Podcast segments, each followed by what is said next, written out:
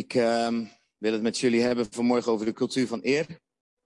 Weer eens, want daar heb ik het vaker over gehad. Maar we waren gisteren als bestuur bij elkaar, gistermorgen. En um, toen zeiden we, er komen elke keer zoveel nieuwe mensen ook. En daar zijn we blij mee. Heel hartelijk welkom iedereen die hier vandaag voor het eerst is. Of uh, misschien voor nog niet zo lang. En um, er is ook een, een, mogelijkheid om kennis te maken met ons en de gemeente. Dat noemen we de meet and greet. Weet niet of er op dit moment alweer datums gepland staan, maar die zullen wel ergens deze week weer uh, online komen. Um, maar daar kan je nooit zo diep in gaan in, in de qua tijd. Hè. Dat zijn ook maar drie avonden. Dus we dachten het zou goed zijn om weer eens gewoon de basiswaarden die wij als cultuur met elkaar dragen, om die te herhalen.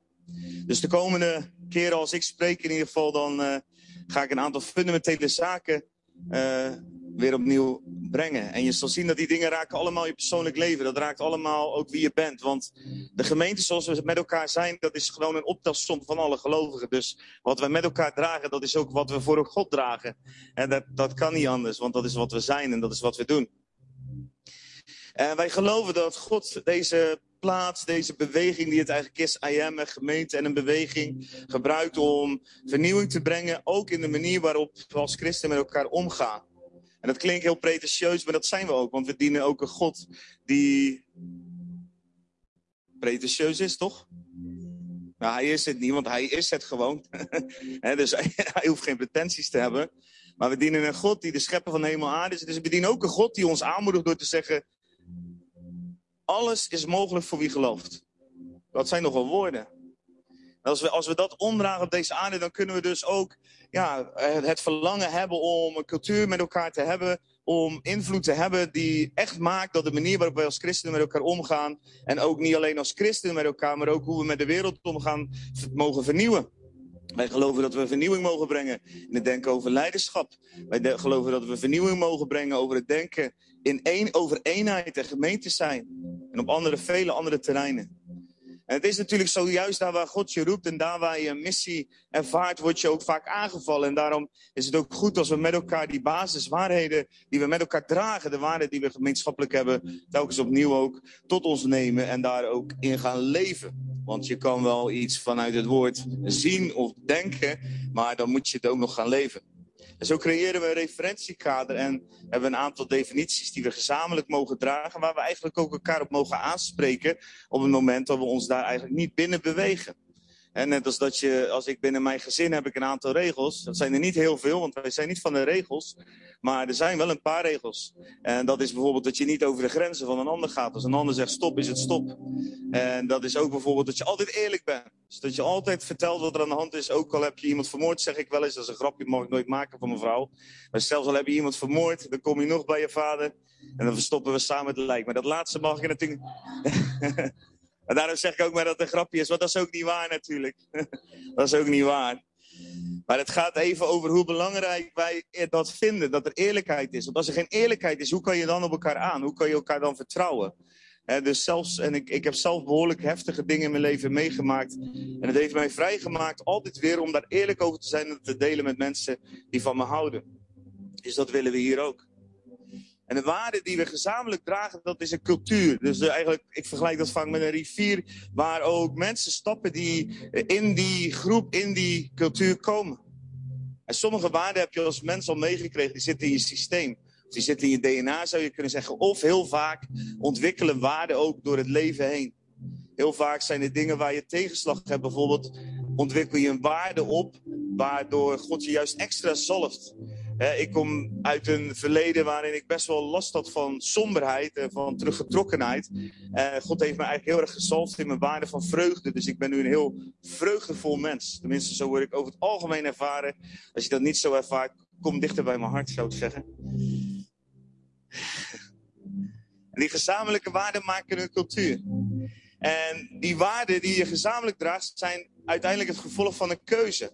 Net zoals wat ik in mijn gezin zeg, van dit zijn dingen die wij belangrijk vinden als vader en moeder. We hebben een aantal dingen die vinden we belangrijk en daar houd je je aan. Voor de rest mag je overal in ontwikkelen. Stimuleren we vooral dat je heel erg jezelf bent en je eigen visie op je leven. Daar gaan wij voor, die helpen wij om jou, voor jou om te ontwikkelen. Maar we dragen een aantal dingen gemeenschappelijk en die zijn belangrijk. Want dan weten we ook altijd dat daar een veiligheid in is door die met elkaar te dragen.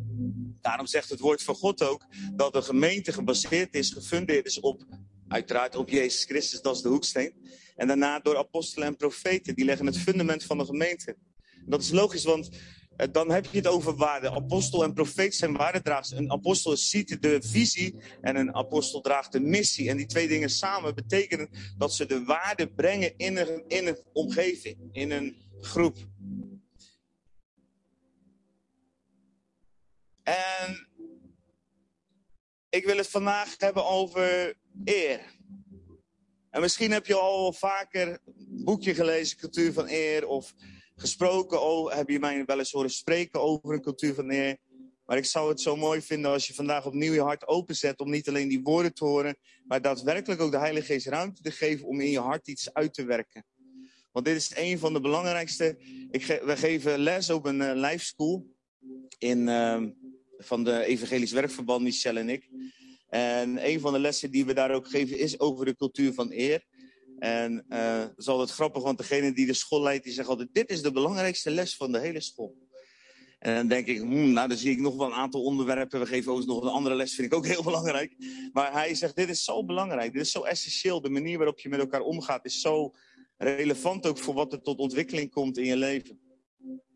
Als we bij IM kijken, hebben we eigenlijk zeven kernwaarden. Dat is dat je geliefd bent, dat je vrij bent, dat we een gezin zijn, dat je ook uniek bent in dat gezin, dat je revival bent, hè, dus dat je dat draagt, dat je leven brengt overal waar je komt, dat je een dienaar bent, net als Jezus, en dat je vol bent van vreugde. En die waarden, die zijn die bron. En, en wij zijn allemaal die bronnen. En hoe meer wij van die waarden dragen, al die bronnen bij elkaar, die vormen een rivier. Dus cultuur is een rivier die gedragen wordt door de waarden die wij met elkaar hebben. En die waarden, die rivieren die wij door deze tuin willen stromen. Hè, dus net als in de, in de Hof van Eden, waar een aantal rivieren stroomden die de Hof be, bevochtigden en zorgden dat het leven voortbracht. Want het was een goede tijd, hè? In het paradijs had je nog geen regen. Dat is al een deel van de volmaaktheid. De regen kwam pas later. En pas later zag Noach ook die regenboog. En er staat in het paradijs was elke morgen de dauw die de aarde eigenlijk bevochtigde en vruchtbaar maakte. En die rivieren die waren daar ook, staat er om de, uh, de Hof van Ede te bevochtigen. Nou, alle, alle invloedsgebieden die we hebben zijn eigenlijk van die tuinen. Of dat nou je gezin is, of je vriendengroep, of het is de gemeente hier met elkaar. En is het goed om na te denken over welke rivieren stromen er eigenlijk door mijn tuin? Wat laat ik toe? Welke bronnen boor ik aan? Welke waarden stel ik? Zodat die rivieren die door mijn tuin uh, stromen ook daadwerkelijk voortbrengen wat je wil. Nou, vanuit die kernwaarden die ik net genoemd heb, hebben wij hier een aantal rivieren waar we heel erg graag van willen dat ze met volle kracht stromen. En we hebben dit jaar hebben we het woord van God gekregen, raise the levels. Dus ga omhoog in de niveaus waarop je dingen doet en vaart, neerzet enzovoort. We mogen die levels omhoog brengen. God wil dat altijd. Heel vaak gaan we zitten wachten en zeggen, Heer, meer van uw geest, meer van uw geest. Maar God is eigenlijk een God die jou activeert. Dat deed hij al in het paradijs. Als je meer van zijn geest wil, moet je je meer openstellen voor zijn geest. Dan moet je dus minder van jezelf toelaten. Dus er zijn een aantal rivieren en de een is van de cultuur van de eer. De rivier van eer. En daar ga ik het vandaag uitgebreid over hebben. Dan hebben we ook gezegd de cultuur van echtheid. Je maskers af. Wees echt. Wees wie je bent. Een cultuur van relatie. Zoek elkaars hart. Ga niet af op uiterlijk gedrag van mensen. Wij zoeken elkaars hart. Want relatie is het tegengif van religie. Relatie en religie is dat wat regels belangrijker vindt dan relatie. En dus als relatie het belangrijkste is, dan zullen die regels er misschien nog wel zijn, maar die regels worden ondergeschikt aan de liefde. En dat is ook hoe God het doet. Dat is het hele nieuwe verbond eigenlijk. We hebben een cultuur van beweging. Ik omschrijf die vaak als niet lauw en niet lui. Cultuur van aanbidding. Dat is een gerichtheid op God. We willen met alles wat we zijn willen we gericht zijn op God. Die aanbidding moet stromen. Niet alleen als we hier liederen zingen, dat is ook een mooie vorm van aanbidding, maar aanbidding is een hele levensstijl. Dat is een voortdurende gerichtheid op God als de hoogste die we eer kunnen geven. Een cultuur van het bovennatuurlijke. Wij zoeken de hemel op aarde. Sommige mensen zeggen wel eens tegen mij, ja, jullie gemeente is voor mensen die net tot geloof komen misschien wel heel heftig. En dat weet ik niet. Er zijn hier ook mensen tot geloof gekomen, dus zoek maar net hoe de geest werkt. Het is meestal heel heftig voor mensen die uit een religieuze hoek komen. Dat is het wel heel heftig, maar dat begrijp ik ook wel. Want toen ik voor het eerst in een gemeente kwam waar ze in tongen gingen zingen, rende ik zo de deur weer uit. Ik kwam ook uit de kerk. Dus het is, dat is eigenlijk vaak nog veel heftiger. Die stap is veel groter, omdat het een soort omdenken vraagt en het loslaten van je veiligheden, het loslaten van alles waar jij een beeld van hebt gevormd, hoe God is, hoe een kerk eruit ziet enzovoort. Om vervolgens eigenlijk opnieuw te kunnen ontvangen, wil God misschien iets anders doen? Is dit een ander seizoen in mijn leven? Wil God op deze plek mij iets leren? Weet je wel, dat is een hele andere houding. Maar wij geloven dat God in zijn gemeente cultuur wil van het bovennatuurlijke. Wij geloven dat het woord van God dat ook laat zien. Als je de brief aan de Korinthe leest, zijn er twee. Je kan ze best wel lezen in een één middagje vanmiddag. Dan zul je zien dat er is één groot verlangen en één grote aanmoediging van Paulus van het bovennatuurlijke. Weet je waar Paulus moeite mee heeft in Korinthe? Met scheuringen en met oneenigheid en met broeders die tegenover elkaar staan. Of dat de een gaat zeggen, ik ben van Paulus en ik ben van Apollos en, en dat soort dingen. Daar heeft Paulus moeite mee. Maar al die bovennatuurlijke dingen, hij zegt, daar breng ik een beetje orde in. Maar nergens stopt hij het, nergens remt hij het af. Hij zegt, zing, zing in tongen, zing in de geest. Hij, hij, hij moedigt ons aan. En er staat zelfs dit in die gemeente in Korinthe, om even op dat bovennatuurlijke uit te gaan. Maar goed, daar kom ik dan nog een keer uitgebreid op terug over een paar weken. Maar in, die, in 1 Korinthe 14, daar staat zelfs als, als een ongelovige binnenkomt in een omgeving waar de cultuur van het bovennatuurlijke normaal geworden is dan komen we direct in zijn hart. We onthullen eigenlijk wat, ze, wat er in zijn hart leeft. Welke zorgen er zijn enzovoort. En dan staat er dit. Hij valt op zijn knieën en hij zegt, Jezus is Heer. Kijk, dat is een cultuur van bovennatuurlijke. En als wij ergens naar onderweg zijn en af en toe zijn er wat brokken, ja, dat maakt ons eerlijk gezegd niet uit. Want hoe kan je uiteindelijk daar komen als je niet probeert? En dat is het probleem. Dus de kerk is vaak zo bang om te proberen, want oh, stel je voor dat er iets fout gaat. Nou, dat zie ik bij Jezus helemaal niet terug. Ik zie dat Jezus van alles doet. Hij stuurt 72 man op pad. Eén van hen is Judas. Hij zegt, ga mijn zieken genezen, mijn laatste, dood op enzovoort. Neem een flesje olie mee. Jezus was niet bang om te proberen. Wij zijn vaak bang. Wij denken zo in systemen en in angst. Oh, wat moet iemand er wel niet van vinden? Wat moet iemand er niet van denken? Nou en? Jezus zegt, ik doe de wil van mijn vader. En, en, wij zijn mensen, gebroken mensen. Dus wij, wij hebben één verlangen, dat is de wil van de Vader doen. Dat doen wat we Hem zien doen, net als Jezus. Wij zijn zijn lichaam op aarde. Jij, ik, met elkaar verbonden. We zijn, we zijn zijn lichaam. Dus wij moeten kijken wat Hij deed. En wat Hij deed, moeten wij hier op aarde doen. Jezus deed rare dingen, lieve mensen. Als je daarmee je beeld bij Jezus al mag, mag bijstellen. Ik roep het af en toe maar even, want anders denken mensen zoete lieve herder Jezus. Maar Jezus spuugde op de grond, smeerde papjes in mensen hun ogen. Jezus die had twaalf discipelen, die liepen hele dagen achter hem aan, hadden alles opgegeven. En staat hij draaide zich om en hij zeide, waarom, jullie doen nooit wat ik zeg. Lucas. Hij zegt, je moet mijn vlees en bloed eten. Iedereen loopt weg. Hij zegt tegen zijn diepste, zullen jullie ook niet weggaan? Dat is Jezus. Natuurlijk liep hij ook om, om bij een vrouw te zitten aan een put. Ja, hij was ook vol liefde, natuurlijk. Maar dat andere was net zo goed liefde. Dus onze definitie van liefde moet dus af en toe even scherp gemaakt worden. Liefde is niet pappen en nat houden. Liefde is dat je ook wel eens zegt van... joh, maar er zit zoveel meer in jou en je moet echt keuzes maken. Liefde is ook dat ik mijn zoon wel eens een keer even net even zijn dekbed wegtrek... als hij moeite heeft om zijn bed uit te doen. Ik zeg, nu eruit, maat. Dat is liefde. Dat is liefde, omdat je anders in een andere situatie terechtkomt waarin je weet dat iemand niet gelukkig wordt. We willen de cultuur van het bovennatuurlijke. Het kan niet zo zijn dat Jezus, als wij vragen, Heer, leer ons bidden, Matthäus 6, dat hij dan zegt, onze Vader die in de hemel is, uw naam wordt geheiligd. En dat wij dan moeten bidden, laat uw koninkrijk komen, laat uw wil geschieden op aarde zoals in de hemel. Dat zou een raar gebed zijn als dat, als dat niet ons verlangen mag zijn. God wil het bovennatuurlijke hier op aarde brengen. En wij leven als christenen veel te weinig in dat bovennatuurlijke. En daarom denken we dat je niet gaat zien wat, wat God belooft. Dat komt omdat je in een overgangsfase zit, in een transitie. En in die transitiefase zie je nog niet de dingen die uiteindelijk zichtbaar worden als we daarin blijven wandelen en doorzetten. En er zijn gemeentes die ons voorgegaan zijn. Die hebben vastgehouden aan het verlangen naar het bovennatuurlijke. En die zien daar teken en wonder op teken en wonder. Die zien de kracht van God daar meer en meer komen. Waarom? Omdat ze blijven jagen naar die hemel op aarde. Waarom? Omdat God het van ze vraagt. Niet omdat we het zo leuk vinden. Het is ook helemaal niet leuk, want het vraagt alles van jezelf. alles van jezelf afleggen om hem te kunnen ontvangen. Er is niks leuks aan. Het is alleen maar moeilijk. Dus je zit hier in de kerk die vraagt moeilijke dingen van je. Ja, ja het is geen kleuterklas. Nee, het is een radicale beweging. Vol met christenactivisten. En wat doen christenactivisten? Liefde brengen. Radicale, compromisloze liefde. dat scheurt de wereld. Dat scheurt harten open voor Jezus. Liefde. Het is niet zo makkelijk. Het is veel makkelijker om je ogen te sluiten of om je om te draaien. Maar wij zijn geroepen om activist van liefde te zijn. En wij dragen als laatste een cultuur van vermenigvuldigen. Dus dat zijn de rivieren die in ons midden moeten. En die zullen we altijd aanmoedigen. En alles wat dat uh, bedreigt, elke slang die daar de tuin in komt. En dat bedreigt, die, daar moeten we wat mee. Daar, willen we tegen opstand komen. We geloven dat dat de, de, plek is die God met elkaar wil creëren. En daar geven we onszelf ruimte voor om daarin te leren. We geven onszelf ruimte om daarin te falen. Waarom zou je niet mogen falen? Hoe, kan je ooit iets leren zonder te falen? Als mens kan dat helemaal niet. We mogen daarin falen. En je zal zien, hoe meer je durft te falen, hoe minder je faalt. Op het moment dat je kind liet fietsen, zijn alleen maar bang om te vallen, gaan ze vallen.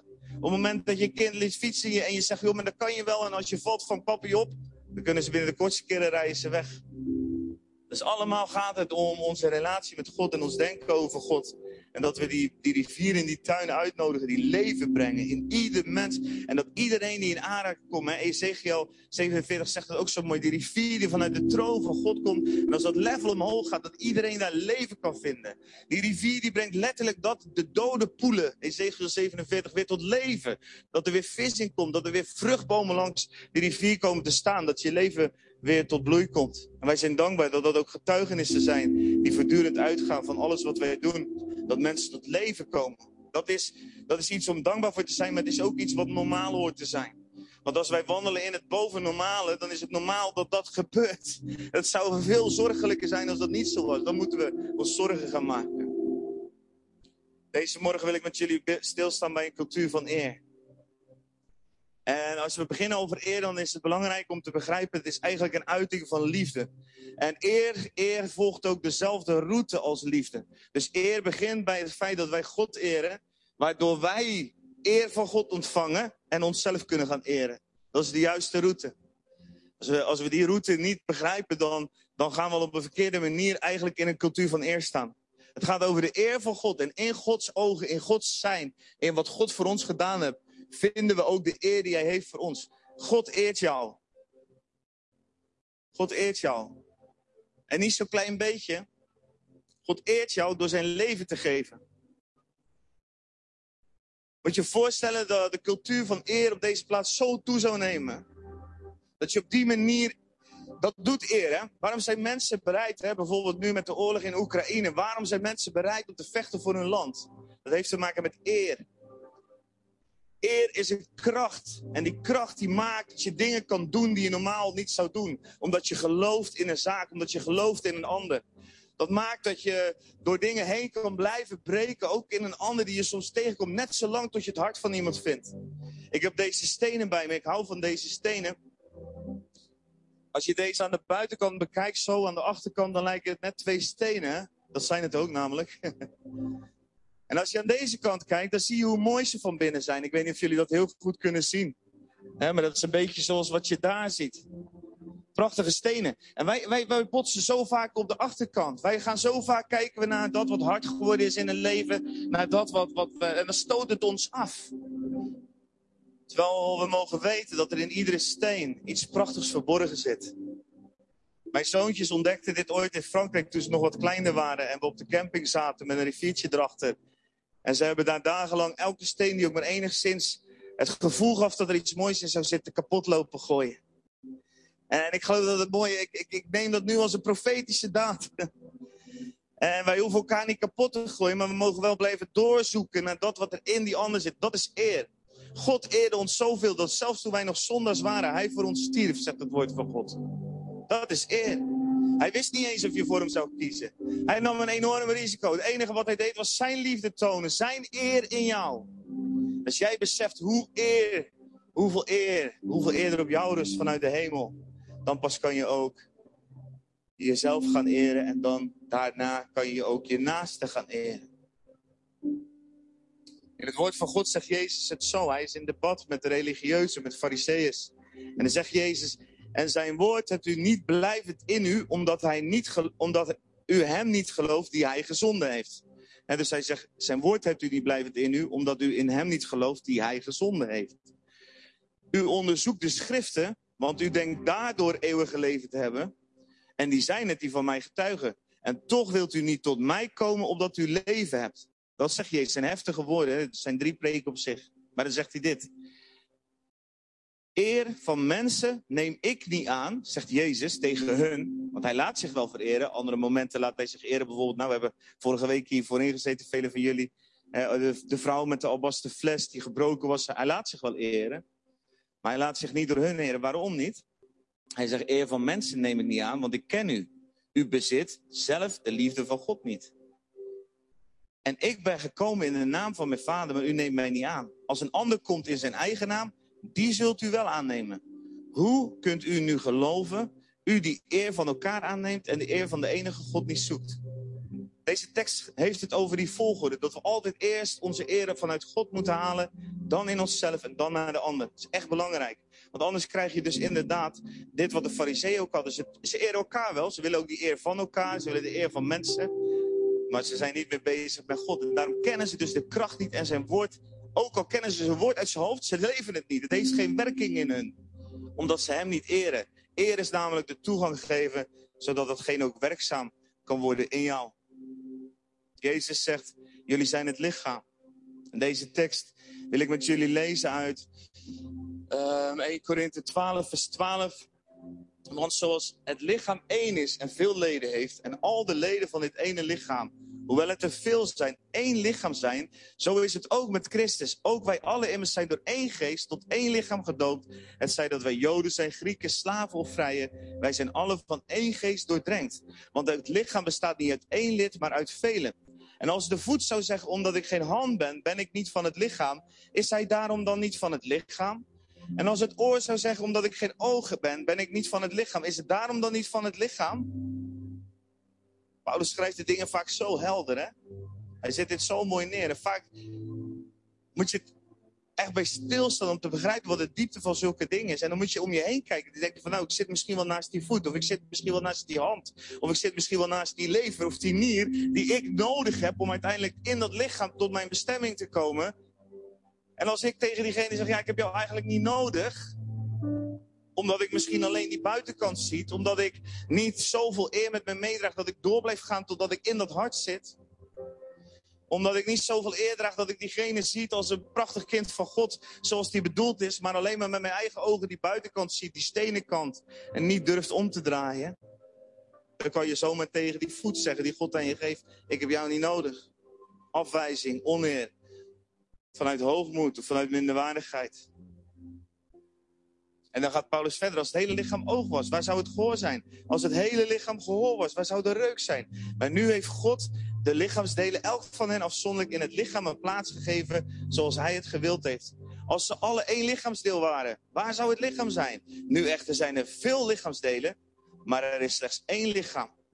Dus ieder lichaamsdeel, ik voeg dit even toe, heeft dus zijn eigen unieke plaats. En die plaats is bepaald door de wil van God. Er staat hier, God heeft er ieder van hen afzonderlijk in het lichaam een plaats gegeven zoals hij het gewild heeft.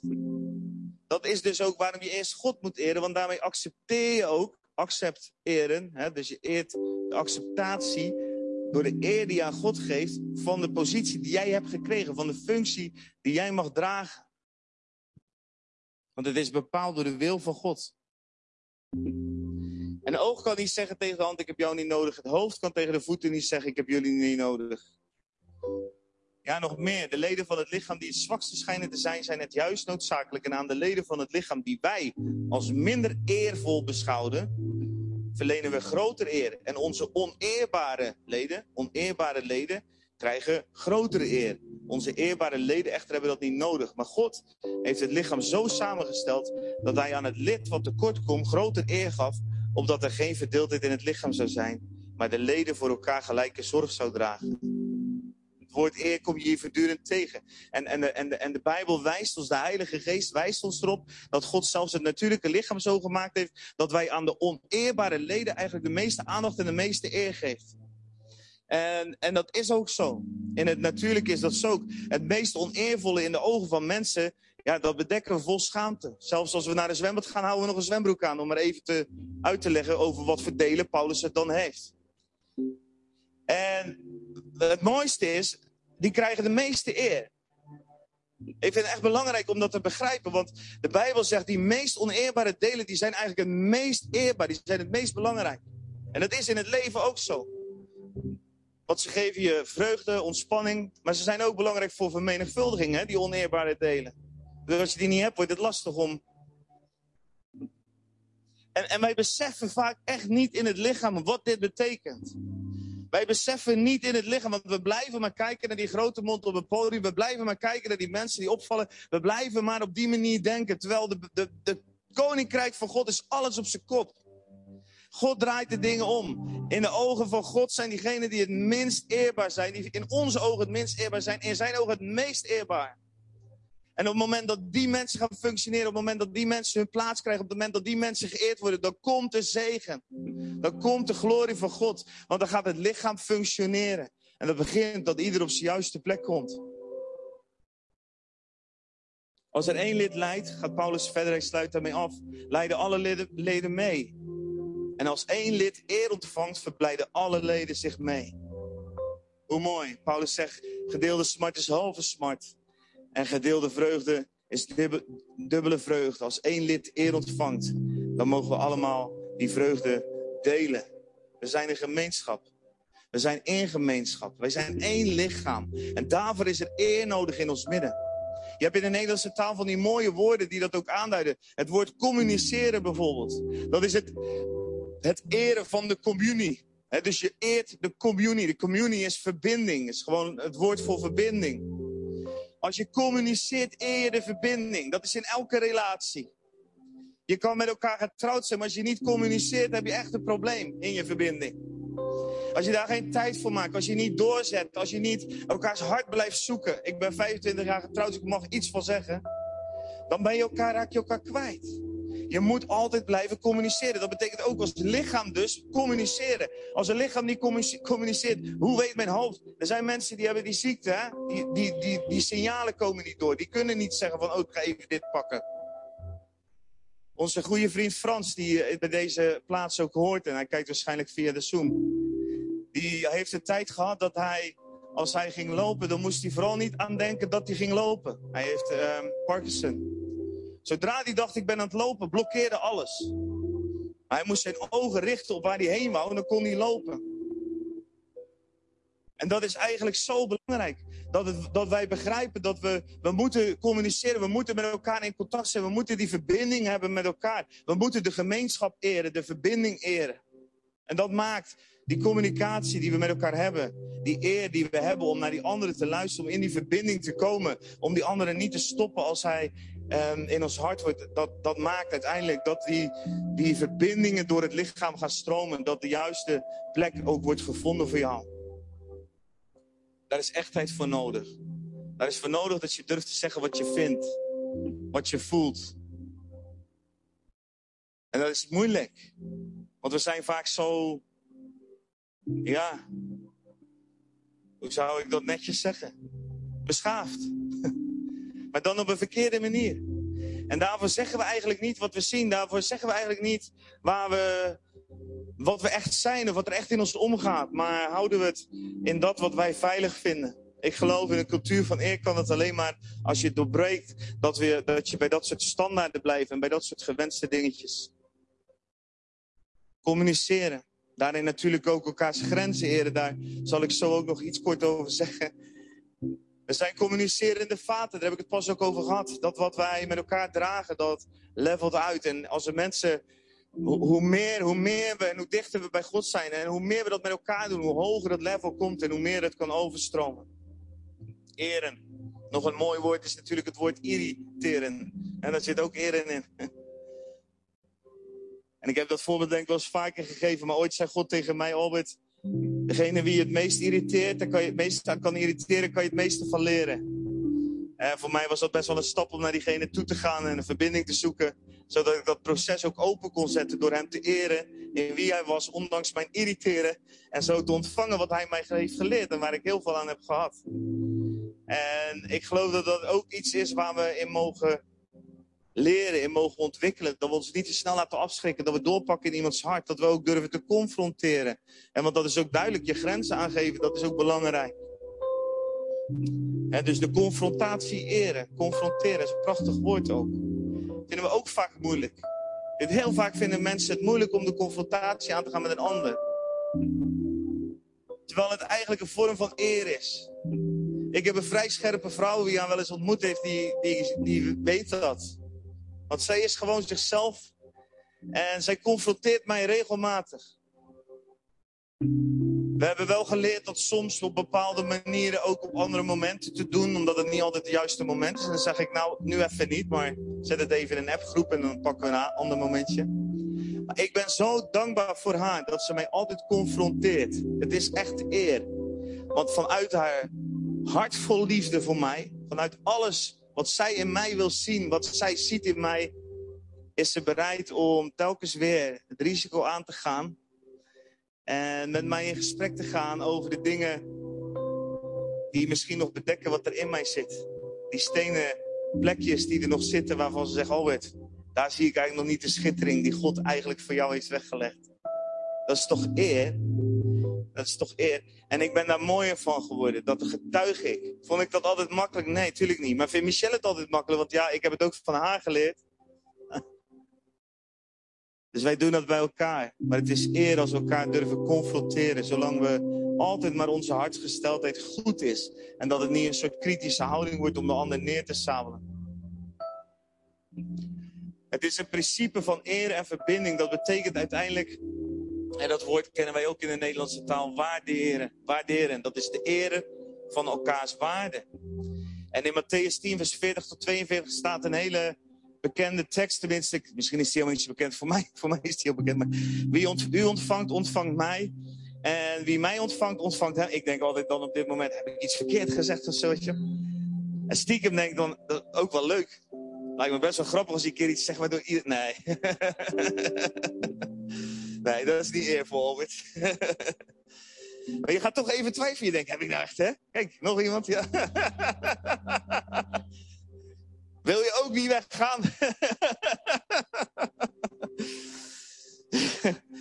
Het principe wat je tegenkomt, waar eer voor nodig is, is ook, en dat is belangrijk om te begrijpen, want eer is jezelf zegenen, doordat je je openstelt voor loon.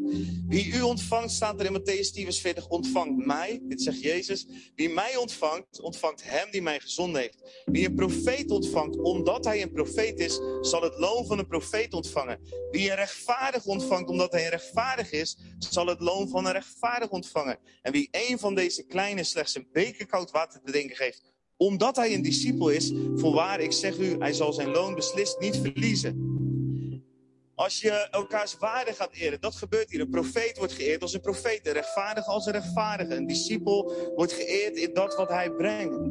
Dan ontvang je ook het loon. Eren, de ander eren is eigenlijk jezelf zo openstellen dat je vanuit die ander kan ontvangen wat God wil geven.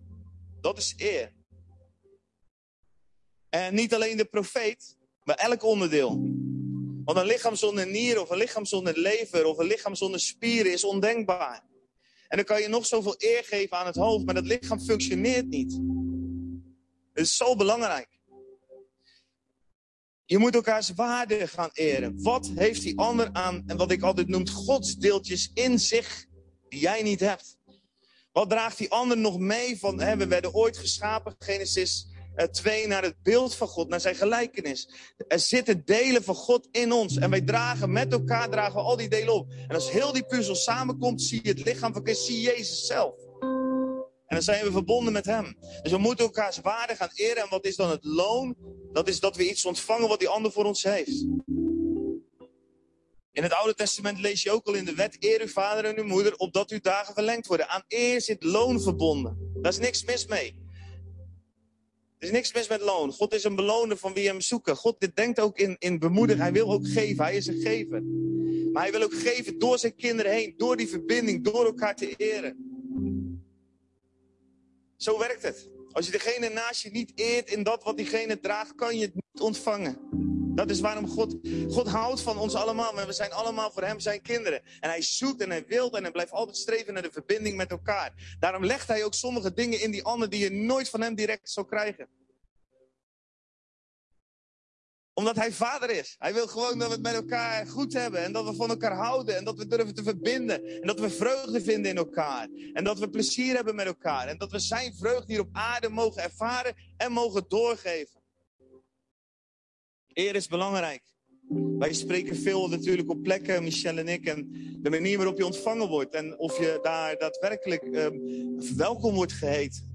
Als wie je bent, als dat wat je draagt, als de zalving op je leven is. Dat maakt een enorm verschil. Of die zalving die God geeft, want dat is niet je eigen zalving, ook daadwerkelijk kan werken in het midden. Het is echt zo.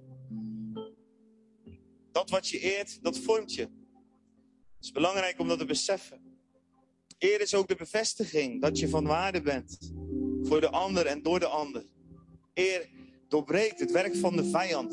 In Romeinen 8, vers 20 staat die vreselijke tekst. Want de schepping is aan zinloosheid onderworpen. Niet vrijwillig, maar door hem, dat is de vijand, die haar daaraan onderworpen heeft. Eer is het antwoord van God op het om te doorbreken de zinloosheid van dit leven en van deze wereld. Dat jij namelijk een positie krijgt dat jij een plek krijgt. En dat je die plek die God voor jou in gedachten heeft en die God voor jou gewild heeft inneemt. Dat je daar ook eer voor krijgt. Dat, dat, niet, dat het los staat van welke plek je hebt. Maar dat je die eer krijgt doorbreekt de zinloosheid van de schepping. Dat is het antwoord van God waardoor hij de vijand uitlacht. Als wij elkaar gaan eren. Dus heb je een hekel aan de vijand? Eer je naaste.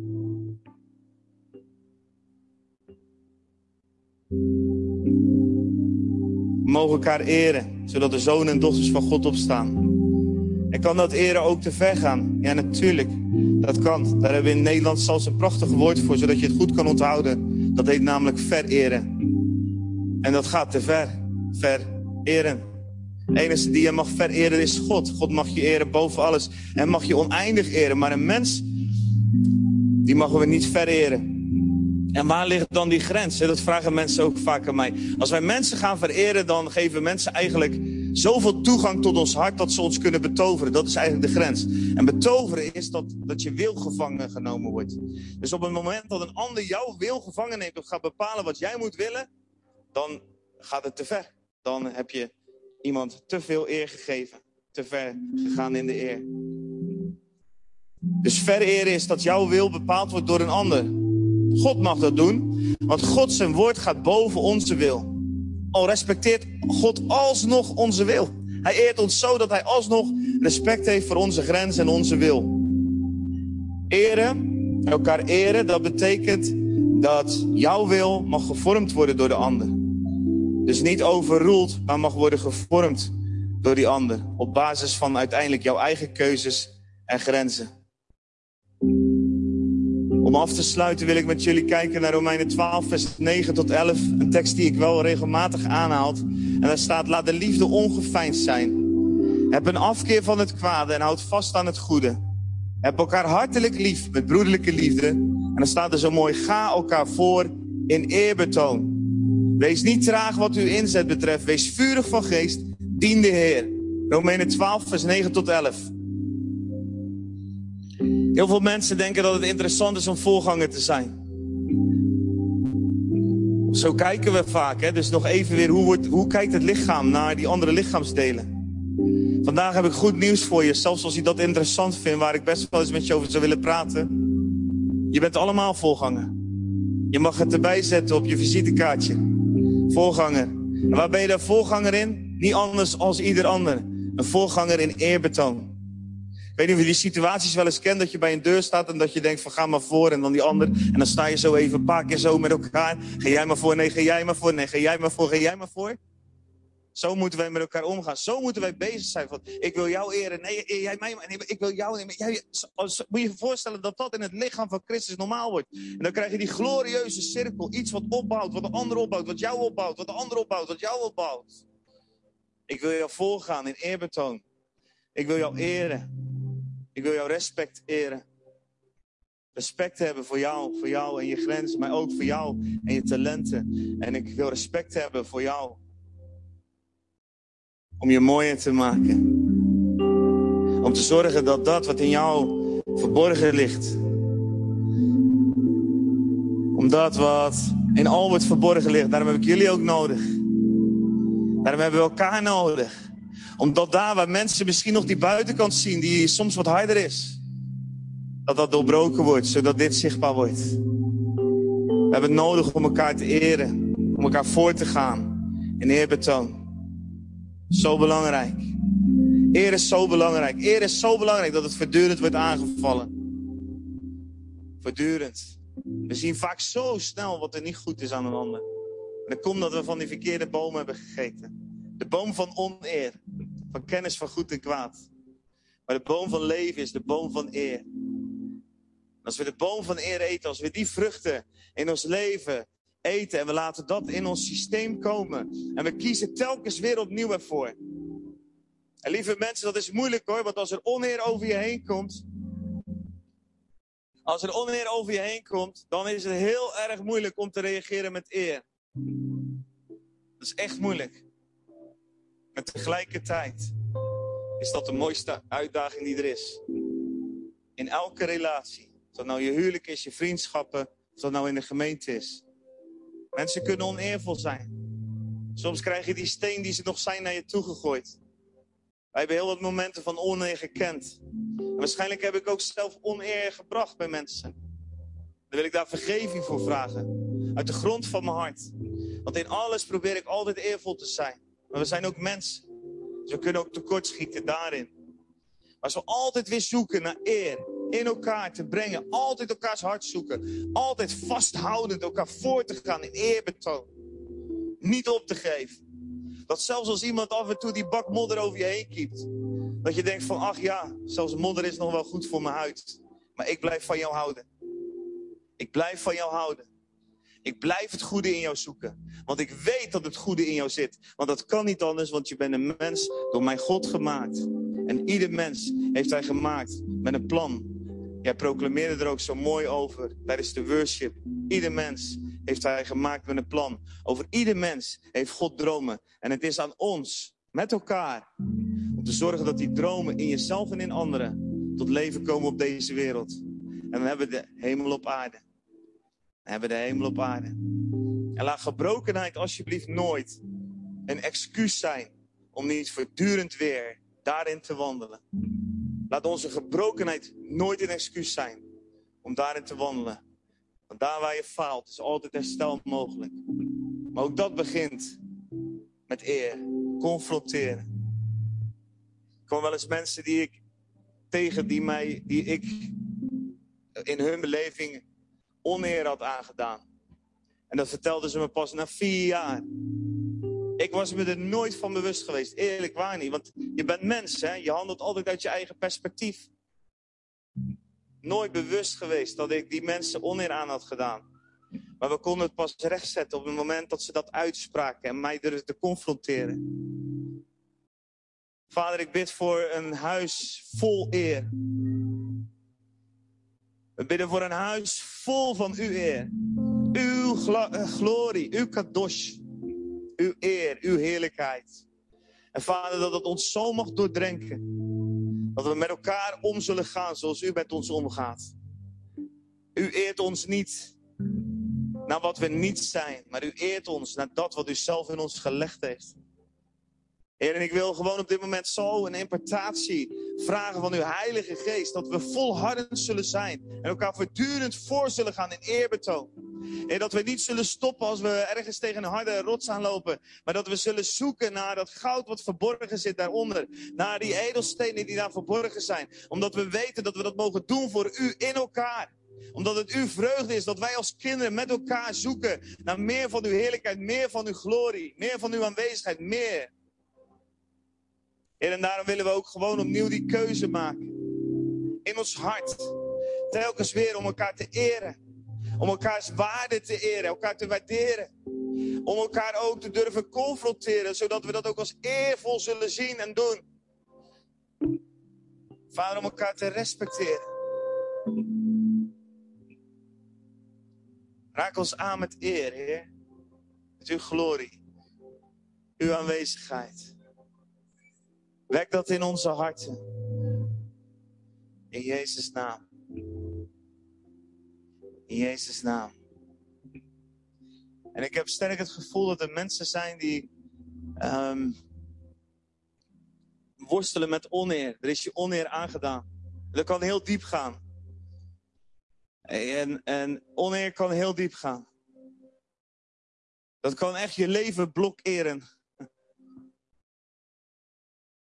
Oneer kan je leven blokkeren. Dat is echt zo. Ik heb dat in mezelf in mijn leven ook meegemaakt.